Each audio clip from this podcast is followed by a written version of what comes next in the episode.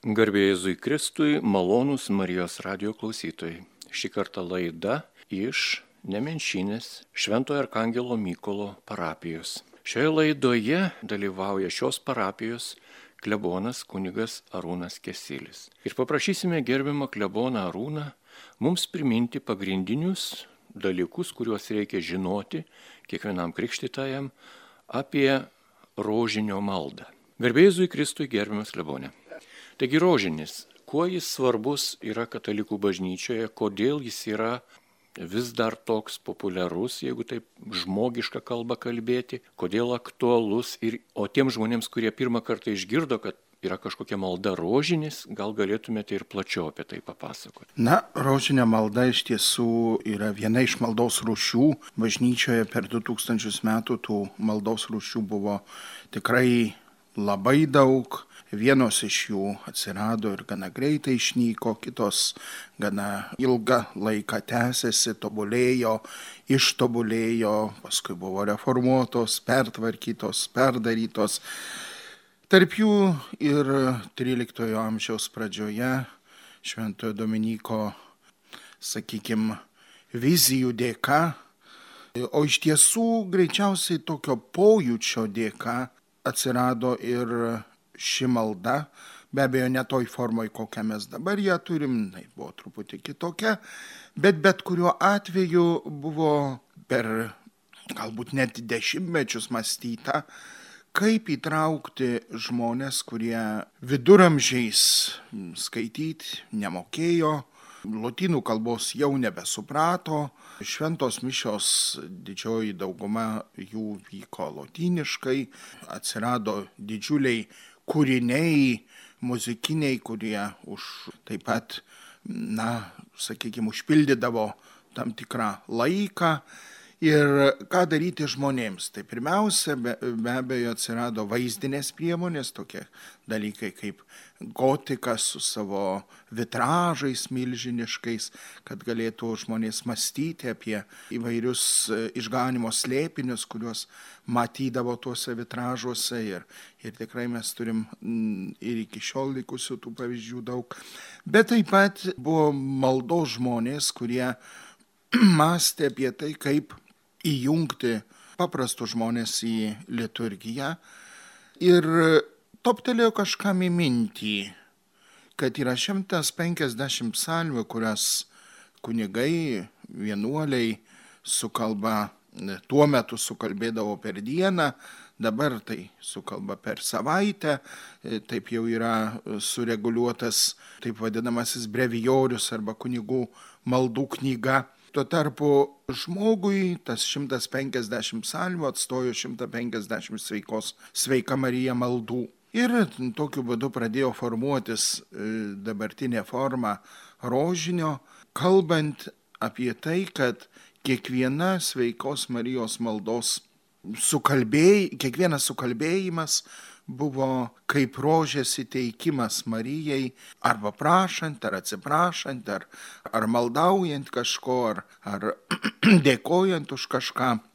Ir vėlesniu, vėlesniu laiku, nors gana greitai, 13 amžiaus viduryje, ši malda įgavo dabartinę formą, tai yra taip pat buvo priskirti slėpiniai, tuo metu misterium, na, lotyniškai vadinti, mes buvom išsivertę lietuviškai paslaptys, tai vėlgi čia tokie lingvistiniai dalykai, kurių, į kuriuos nesigilinsim, bet yra svarbu tai, kad buvo tam tikri dalykai, tam tikri išganimo slėpiniai, išganimo įvykiai apmastomi kalbant sveika Marija malda, tos 150 buvo padalinta į tris dalis, vėliau tie penkisdešimtukai dar po dešimt ir tokiu būdu atsirado dabartinis rožinio kalbėjimo būdas, kuris labai paplito, kadangi tai yra labai paprasta malda, jos nereikia ilgai mokytis, nereikia kažko labai sudėtingo žinoti, nereikia labai, labai kažkokių sudėtingų mokymusi,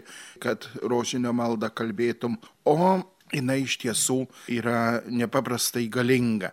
Vakar aktualių laidoje kalbėjo monsinjoras Vytautas Grigaravičius kartu su Marijos radio prezidente ir jie prisiminė tuos didžiuosius įvykius, tokius didžius stebuklus įvykusius per rožinio maldą, bet iš tiesų yra nepaprastai daug tų mažų įvykių, mažų dalykų, kurie, kurie pradeda nuo Švento Dominyko. Šventasis Dominikas pats savo vėliau prisiminimuose rašo, kad iki rožinio maldos jam niekaip nesisekdavo paskelbti, gerai paskelbti atsivertimo pamokslų, kad ir kaip paruoždavo giliai ir, ir prasmingai, ir teologiškai, bet jie būdavo neveiksmingi.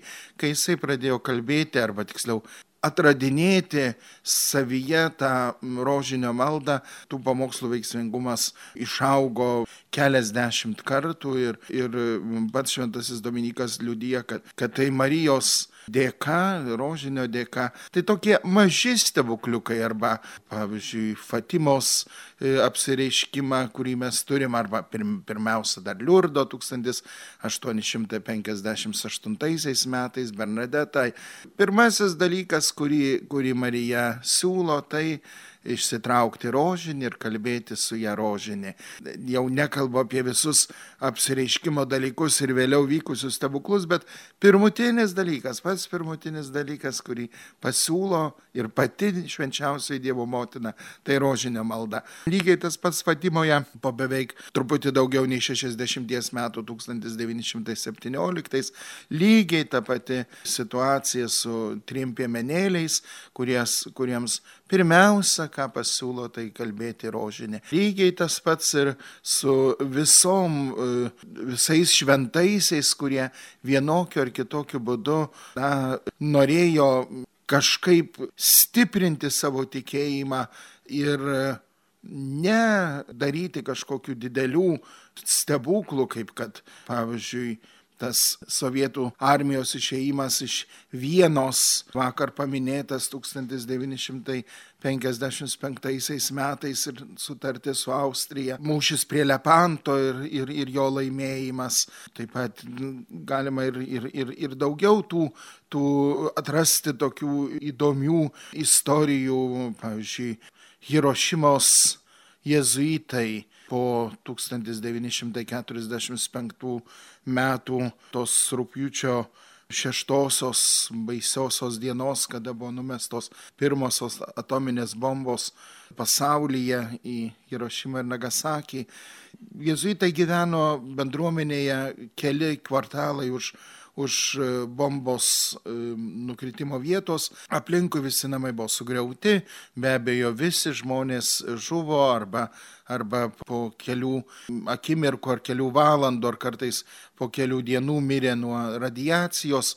Tuo tarpu keturi gyvenę jezuitai pragyveno ilgą laiką, ilgą amžių ir kai kurie mirė visiškai neseniai, 86 vienas, kitas 87, dar, dar iki 90 metų vienas yra gyvenęs. Tai taip, kad tikrai ir jie sakė, kad kadangi mes kiekvieną dieną kalbėdavom rožinį garsiai, tai mus išgelbėjo Fatimos Dievo motina šitos radiacijos ir taip toliau.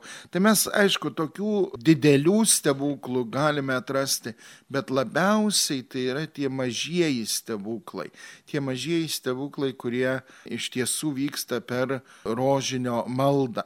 Rožinio malda be abejo šiandien dienai jinai e, sudėta iš iš labai teologiškų dalykų, tai yra pirmiausia tikėjimo išpažinimo, nes be tikėjimo šita malda nieko visiškai nereiškia. Tikėjimo išpažinimas yra nepaprastai svarbus momentas, svarbus, svarbus dalykas. Tada be abejo tėvė mūsų malda, kurią mes pradedam visas, visus savo gyvenimo įvykius pagrindinius ir taip pat ir į rožinio maldą, be abejo sveika Marija maldos, maldos kartojimas, tai taip kaip motinai sakyti mamytę, mamytė, aš tave myliu, mamytė, man, tau, man gera su tavim būti, mamytė, duok aš tave apkabinsiu, mamytė, duok aš tave pabučiuosiu ir taip toliau. Niekada mamytė neatsibos ir tau niekada neatsibos tai sakyti, nes iš tiesų myli ją ir pareikšdamas savo tikėjimą, pareikšdamas savo atsidavimą Dievo motinai, tokiu būdu kartoji tas sveika Marija maldas, malda iš tiesų yra mūsų išganimo malda, yra nepaprastai galinga malda, nes, nes tai yra e, malda, kuri susideda iš angelo pasveikinimo, iš Elžbietos pasveikinimo Marijai ir vėliau bažnyčios prikurto teksto. Tai visa tai yra iš tiesų didžiulis rožių vainikas, rožių sukurtas didžiulė pinė rožių Dievo motinai. Ir šita pinė iš tiesų daro didžiulius stebuklus, didžiulius darbus. Ir kai bažnyčia kreipiasi į Dievo motiną, Dievo motina tikrai išklauso, tikrai pagelbsti, todėl mes ir šventasis tėvas ir, ir viskupai tiek pasaulyje, daugelyje valstybių, tiek ir Lietuvos viskupai labai dažnai vienokiais ar kitokiais atvejais, vienais ar kitais probleminiais gyvenimo momentais tikrai kreipiasi į mus, kad kalbėtumėm būtent rožinio maldą, nes rožinio malda tą savo galingumą turi paprastume, nuoširdume, atvirume ir tikėjime. Malonus Marijos radio klausytojai, jūs girdite laidą šį kartą iš Vilniaus arkiviskupijos Nemenšinės Švento Arkangelo Mykolo parapijos. Joje apie rožinio svarbą ir kitus mūsų maldingumus pasakoja šios parapijos klebonas kunigas Arūnas Kesilis. Įkalbina Liutauras Serapinas ir tęsėme laidą. Norisi dar klausti apie rožinio tradiciją Lietuvoje. Yra taip pat ir gėdamas rožinis, yra ir kalbamasis rožinis ir žmonės kartais pasako slėpinius, kartais kal, e, melsdami kokią vieną maldą e, apmasto ją, daro pauzes yra ir kitokių rožinių. Taigi gerbiamas klebonė, apie visą tai norėtume dar išgirsti. Be abejo, čia išvardintos e, to paties matyti rožinio formos įvairios atlikimo, tai atlikti tai jį galima be abejo įvairiai. Yra, pavyzdžiui, gyvojo rožinio maldos bureliai, kurie, kurie įsipareigoja kiekvieną dieną e, sukalbėti tik vieną rožinio slėpinį tam, kad iš penkiolikos žmonių, dabar jau iš dvidešimties žmonių, nes yra keturios rožinio dalys, susidarytų vienas gyvas, viena gyva rožinio malda arba rožinio pinė iš dvidešimties žmonių. Todėl šiuo atveju yra labai svarbu, kad kiekvienas tą savo rožinio dalelę sukalbėtų. Yra be abejo dažnai, dažniausiai tai matyti laidotuvių proga ar kažkokiam tokiom jau didesniais susirinkimais, kur kur, kur yra to laiko, kur, kur galima pašvesti laiko, tai tada yra gėdamas rožinio, gėdama rožinio malda. Be abejo, kad ta rožinio pinė per šimtmečius buvo panaudota taip, kaip ir pačioj pradžioj sakiau, tų maldos formų labai labai daug katalikų bažnyčioje. Viena iš jų yra rožinis ir kai jisai atsirado nuo 13 amžiaus pradžios, tai jis buvo pradėtas naudoti įvairioms, įvairioms formoms. Mums geriausiai matyti žinoma dabar yra gailestingumo vainikėlio forma, kuriai irgi naudojam rožinio, rožinio karoliukus arba rožinio pačią formą rožinio, nes vieną kartą sukalbama viena malda, dešimt kartų kita malda, kitaip sakant, ta, ta, pati, ta pati forma kaip ir, kaip ir rožinio.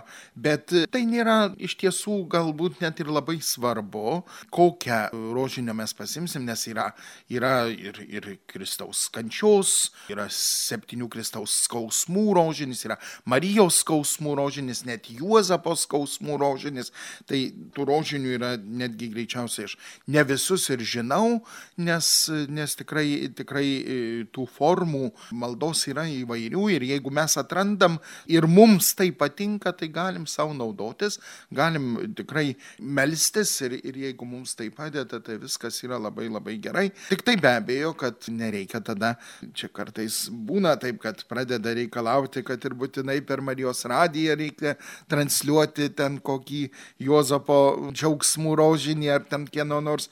Tikrai Marijos radijas transliuoja rožinio maldą ir, ir dar kartą pakartosiu 6.20 ryte, pusę 12 prieš šventųjų mišių auką, tai yra 11.30, 14 val. po pietų ir paskui 19 val. vakare, tai galit visada įsijungti, netgi iš tiesų, kadangi keturis kartus per dieną yra transliuojama, tai galima netgi, nors kalbama yra ta pati dalis, kadangi prastai bažnyčia taip jau yra paskirščius, bet jūsgi galit įsijungdami kalbėti ir kitas dalis. Jeigu įsijungia, tai galima sukalbėti net keturias dalis. Galima ir tą pačią dalį kartoti. Taigi tęsėme laidą. Malonus radio klausytojai jau suprato, pažino, kad rožinio malda yra ne, ne šių dienų sumanyta, kad ji yra iš istorijos, iš gilios bažnyčios tradicijos ateinanti malda. Gerbiamas klebonė, o dabar rožinio maldą kai kurie žmonės gali priimti, o kiti gali ir nepriimti dėl tam tikros formos, nuolat pasikartojančios tos pačios maldos. Kaip jūs galėtumėte na, paraginti arba kaip galėtumėte nuraminti tuos, kurie Na, sako, oi čia ne man šitą maldą, aš negaliu taip ilgai kartoti tą pačią maldą, man atsibosta arba aš noriu kažko kito, mąstymo, ten šlovinimo, emocijų ir taip toliau. Kaip šitoj vietoj pasielgti? Ir kartais būna taip, kad šeimo šventėje arba netekties metu per laidotuvės yra visi kviečiami melstį rožinį, o yra žmonių, kurie to rožinio nenori melstis. Kaip galėtume padėti tiems žmonėms, kurie yra netradę rožinio maldos malonės. Galvoju, kad niekada jokiai maldai, tuo labiau rožinio maldai, negali būti jokios prievartos. Iš tiesų, turim, na, tam tikrą prasme, čia, sakykime, turėtumėm prieaukti prie tos maldos, arba tiksliau, mums turi būti pas, pasidaryti savą, kartoti Marijai, mamytę, aš tave, sveika Marija, aš tave myliu. Motina Marija, būk su manim, mes, aš tave garbinu. Ir tai yra augimas. Tuo tarpu mes turim visada pasirinkti, nes, e, pavyzdžiui, yra pasaulyje vaikų rožinio, netgi didžiulės, didžiulės grupės, kur, kur vaikai su dideliu džiaugsmu tą rožinį kalba. Pas mus, e, mūsų krašte, įsivaizduoju, kad labai mažai būtų vaikų, jeigu juos, e, na, tiesiog kažkaip ten versti ar priversti ateiti to rožinio, sukalbėtų, aišku, nes jeigu įsakytum, tai ir, ir padarytų, bet, bet e, ar, tai, ar tai prasminga, ar tai, ar tai reikia, po truputį augintis, po truputį augintis rožinio maldai, nes e, iš tiesų jinai yra tikrai labai galinga, labai stipri, bet kartu ir jinai turi savo augimą, savo, savo, savo prasmingumo suvokimą. Ir, ir tai nėra taip, kad aš va, atėjau į bažnyčią, pavyzdžiui, tik atsiverčiau ir, ir man iš karto jau viskas yra aišku, viskas man priimtina, viską, viską aš galiu daryti, viskas, viskas man lygiai taip pat su rožinio malda, tai taip, kad tikrai jokios prievartos čia jokių būdų,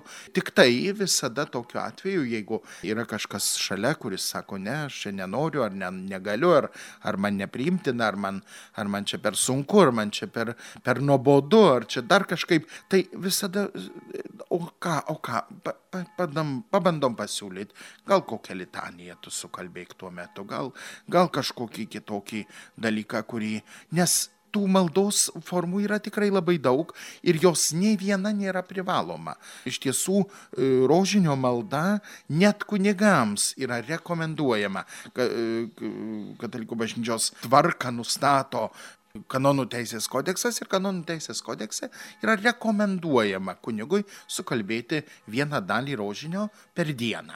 Tai, bet yra rekomenduojama, tai jeigu tas kunigas nesukalba, jis nepadaro nuodėmės, kažkada padarydavo, kažkada buvo, buvo nu, nuodėmė, bet dabar ne, nes suprantama, kad gali pasirinkti kokią kitą formą savo maldingumui išreikšti. Bet turim suvokti, suprasti, kad bažnyčios lobynas tam ir perduoda maldos tradiciją, kad ją perimtume mes. Tai jeigu mes ko nors nesuprantam, nesuvokiam, nepriaugę esam ar kažkaip, kažkaip mums dar vis, vis ne, nepriimtina, tai ne, neturėtumėm smerkti, sakyti, ai, tai čia kažkokia jau bloga ta malda ar tenai atmestina. Ne, aš dar, dar negaliu, dar ne, nemoku, dar nežinau, dar ne, ne, ne, nesu priaugęs. Tai iš tiesų turim ir iš vienos pusės na, sakykime, nepriversti, o iš kitos pusės taip pat ir, ir ne, kažkaip netmestinai priimti. Tęsime laidą apie rožinio maldą iš Nemenčinės Šventojo Arkangelo Mykolo parapijos. Šio laidoje šios parapijos klebonas kunigas Arūnas Kesilis pasakoja mums apie rožinio maldos prasme, reikalingumą ir išganingumą. Ir žinoma, viskas yra išganinga, ką žmonės daro prašydami Dievo per savo įvairiausias intencijas. Ar būtų malda, ar būtų pasnikas, ar būtų dar kažkas tokio ypatingo. Gerbiamas klebonė Rūnai, kiek metų jūs jau esate kunigu? 24, jau beveik 23 su trupučiu. Tai ilgas laikas. Kaip jūs pastebėjote, kokią galėtumėte pasidalinti savo patirtimi, ar parapiečiai rožinio maldą meldžiasi noriai, ar jiems reikia vis tik vadovauti. Ir kaip, kada tą maldą labiau žmonės nori melstis bažnyčiai. Prieš mišes, po mišių, vietoj mišių ar visai kitų kokiu nors laiku. Iš tiesų labai priklauso nuo žmonių, nuo pačių žmonių. Negali taip bendrai apibendrinti, kadangi, kadangi visi žmonės yra skirtingi. Pavyzdžiui, žmonės, kurie, kurie na, jau yra senyvo amžiaus, dažniausiai jau mažiau girdintys, e, turintys e, šiaip ir suvokimo problemų. Ir tai jie išmokė kažkada seniai kalbėti rožinį per mišes, jie ateina su to rožiniu ir jie jį turi sukalbėti ir kitaip ten neišeina.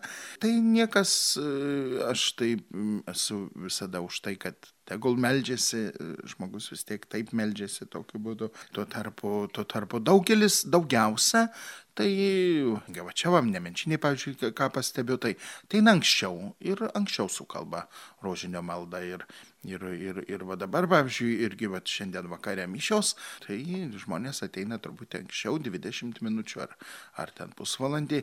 Ir mm, su rožiniu rankose, juos aš jau beveik visus ir pažįstu ir žinau tą prasme, kad, kad jie dažniausiai, nes e, po mišių labai retas, kas e, įprastai jau po mišių, tai, tai tokia netgi netgi tada, kai norisi paraginti dar tenai, kad pasimelstų, pas, pa, pabudėtų, pavyzdžiui, didį ketvirtadienį prie atgarbinimo altoriaus ar ką, tai ten truputį keletą minučių ir jau vis tiek lekia.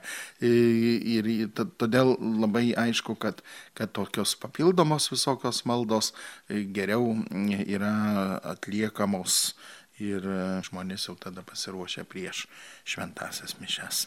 Dar vienas klausimas susijęs su rožiniu. Manau, tai yra svarbu žmonėms suprasti, ypatingai tiems, kurie pradės rožinį melsti. Ką daryti, jeigu nori rožinio maldą melsti, bet turi tik penkias minutės? Ar galima melstis tik vieną, sakykime, slėpinį, vieną Be abejo, be abejo, be abejo, taip, taip, galima melstis tik tai vieną slėpinį. Didžioji dauguma, pavyzdžiui, kunigų, net ir pasauliečių, vienuolių, tai meldžiasi eidami ar, ar važiuodami, ar troleibusų važiuodami, ar, ar mašina, mašiną vairuodami. Aš pats lygiai taip pat, čia daugelis, daugelis tą, tą daro, reiškia, na, taip pa, pa, pavadinkim, kad, kad tai nėra, reiškia, na, tikras atsidavimas, nes, nes jeigu taip jau reikėtų tiksliai atsidėti tik tai tai maldai ir, ir daugiau niekam, be abejo, jeigu ir neturi kur važiuoti, tai na, specialiai nesėdi į mašiną tam, kad sukalbėtum rožinį. Tai savai mes suprantame, kad, kad tada paskiri laiką, bet toks vairavimo laikas ar, ar, ar sakykime, galų gale važiavimo ten traukiniu ar, ar autobusu ar, ar, ar, ar kažkokiu kitokiu transporto laikas tikrai labai yra tinkamas ir, ir nesvarbu, ar, ar tai truks penkias minutės, dešimt minučių, penkiolika minučių, bet jau ta malda yra be abejo, kad yra daug tada galimybių išsiblaškyti, tada daug įvairaus tokio, tokio judesio gali būti šalia tavęs, bet, bet iš tiesų tai ne, nereikėtų, kad kad tai vėlgi reiškia kažkaip tai užgneuštų ir, ir, ir, ir, ir galėtum galvoti ne apie šventus dalykus, o, o, kodėlgi, o kodėlgi apie juos nepagalvojus tada, kai, kai, kai tau kaip ir tam tikrą prasme laisvas laikas. Norisi dar pasigilinti ir patyrusio klebono paklausti šio veito apie rožinio maldos pačią eigą. Kartais būna taip, ir iš tikrųjų būna taip, kad meldi rožinį ir vidury maldos mintis tavo nušoka kitur. Tiesiog į būtį, į kažkokį nepadarytą ar daromą darbą, ar anksčiau, vėliau darytą. Ir mintimis nuskrendi tiesiog. Kalbi sveika Marija, malonės pilno ir prisiminiai. Taigi durų neuždariau. Ką daryti iš pradžių, vėl pradėti ar tęsti? Mano mamytė sakydavo, kad, kad žydo poterius reikia iš naujo pradėti. Na, čia toks truputį juokas. Ne, iš tiesų labai paprasta.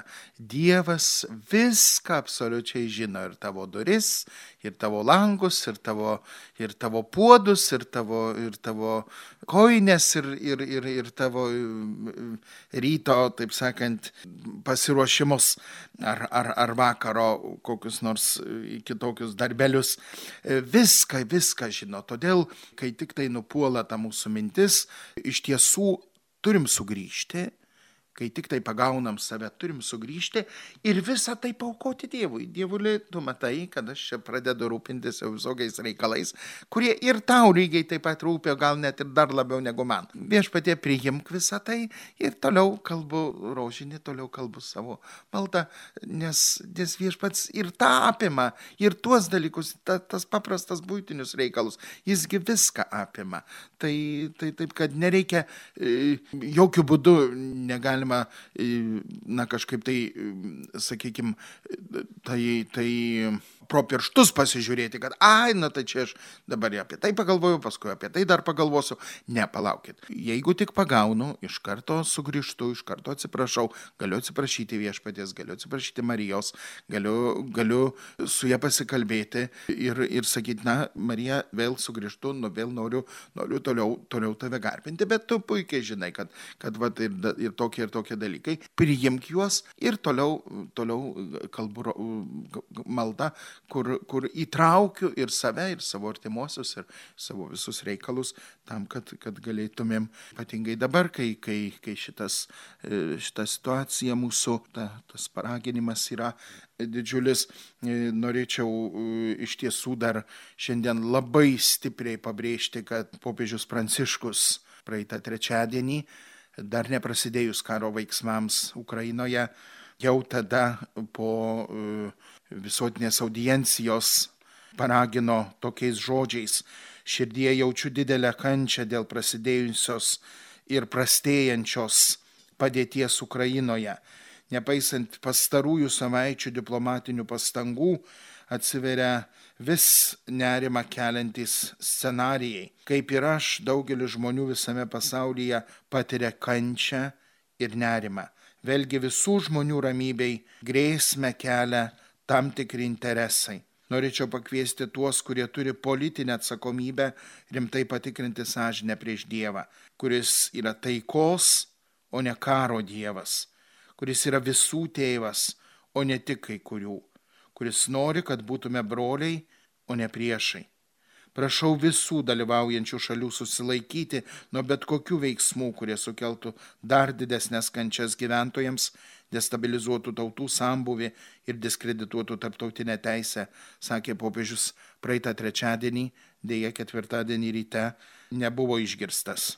kaip puikiai žinom. Bet pridėjo dar vieną labai labai svarbų dalyką šiandien dienai - pelenų trečiadieniui. Norėčiau kreiptis į visus tikinčius ir netikinčius. Jėzus mokė, kad į velniško smurto beprotybę atsakoma yra Dievo ginklu - pasninku ir malda. Raginu visus šį trečiadienį, kovo antrą dieną, pelenų trečiadienį, paversti taikos pasninko diena. Ypač raginu tikinčiuosius šią dieną intensyviai atsiduoti maldai ir pasninkui. Tegul taikos karalienė išgelbėja pasaulį nuo karo beprotybės. Praeito trečiadienio bendrosios audiencijos pabaigoje sakė popiežius Pranciškus, ragindamas šiandien pašvesti dieną ne tik tai rožinio maldai, bet ypatingai pasninkui. Pasninkas yra dar vienas labai labai galingas ginklas, kurį turim mes tikintieji. Ar galėtumėt porą žodžių apie pasniką, kaip jį teisingai atlikti? Na, bažnyčia reikalauja, kad pasninkaujant yra du kartus tik užvalgoma arba labai labai lengvai užkandama ir vieną kartą normaliai pavalgoma. Ne persisotinant, bet normaliai pavalgoma. Tuo tarpu e, žmonės pasninkų, jeigu turi galimybę, ypatingai sveikatos galimybę, čia reikia atsižvelgti labai į savo sveikatą, kad mes negadintumėm savo sveikatos, nes nėra jokia bažnyčios forma nuolankumo ar, ar, ar, ar pasninko nėra skirta tam, kad mes, kad mes kaip nors gadintumėm savo sveikatą. Tai, taip, kad jeigu sveikata mums leidžia, tai galime visai nieko nevalgyti, galima tik tai duona ir, ir, ir vandeniu būti, taip sakant, išgyventi tą visą dieną, na, ta prasme, pašvesti, arba bent jau atsisakyti kažko tai, ką mes mėgstam, pavyzdžiui, saldumynų ar, ar kokiu nors ten, nežinau, kitų dalykų kažku, kažkurių. Galų gale netgi tas, kas mėgsta žuvį, kam labai skani žuvis, tai atsisakykim žuvies, suvalgykim sūrį. Tai tiesiog, tiesiog vat, yra ta auka, auka, kurią aš duodu Dievui. Dievui negaila nei žulės, nei mėsos, nei, nei, nei nieko kito, bet, bet aš turiu kažką paukoti jam, kažką jam atiduoti, kad, kad įvyktų tie stebuklai, kurių mes taip norim. Ukrainoje, bet ne tik tai ten. Konfliktai nei Irake, nei Sirijoje, nei Somalija, nei Sudane, nei Jemene neužgeso. Jie, jie ir toliau ten konfliktuoja. Mes kartais pamirštam, kad yra vietos pasaulyje, kur pastoviai tęsiasi karas. Ir, ir, tas, ir tas jautrumas, mūsų jautrumas iš tiesų turi būti ir čia sujudintas. Mes dabar labai išgyvenam dėl Ukrainos, nes mums yra artima, artimi, artimi kaimynai, bet bet iš tiesųgi kuo prastesni žmonės yra Somalija ar, ar Sudane, kur dešimtmečiais tęsiasi karas. Dėkojame Jums gerbiamas klebonė Arūnai už šią laidą, kurią parengėme Jūsų parapijoje, Jūsų raštinėje klebonijos ir, ir tiems žmonėms, kurie čia atvyko laidos įrašymo metu linkime, kad sektųsi, kad viskas būtų gerai su tais visais rūpestėliais. Ir primename, jog e, šiandien yra pasniko diena ir taip pat popiežius ragina melstį kalbėti rožinio maldą. O kalbant rožinio maldą tikrai sunku ir valgyti. Tai tie, kas jau norite ir pasniko laiką gražiai praleisti, tikrai galite sukalbėti rožinio dalelę, o gal dvi ir tris. Taigi ši laida buvo jums pateikta iš Nemenčinės Švento Arkangelo Mykolo parapijos. Joje apie rožinio svarbą pasakojo šios parapijos klebonas kunigas Arūnas Kesilis. Įkalbino Liutauras Serapinas, likite ir jūs toliau su Marijos radiju.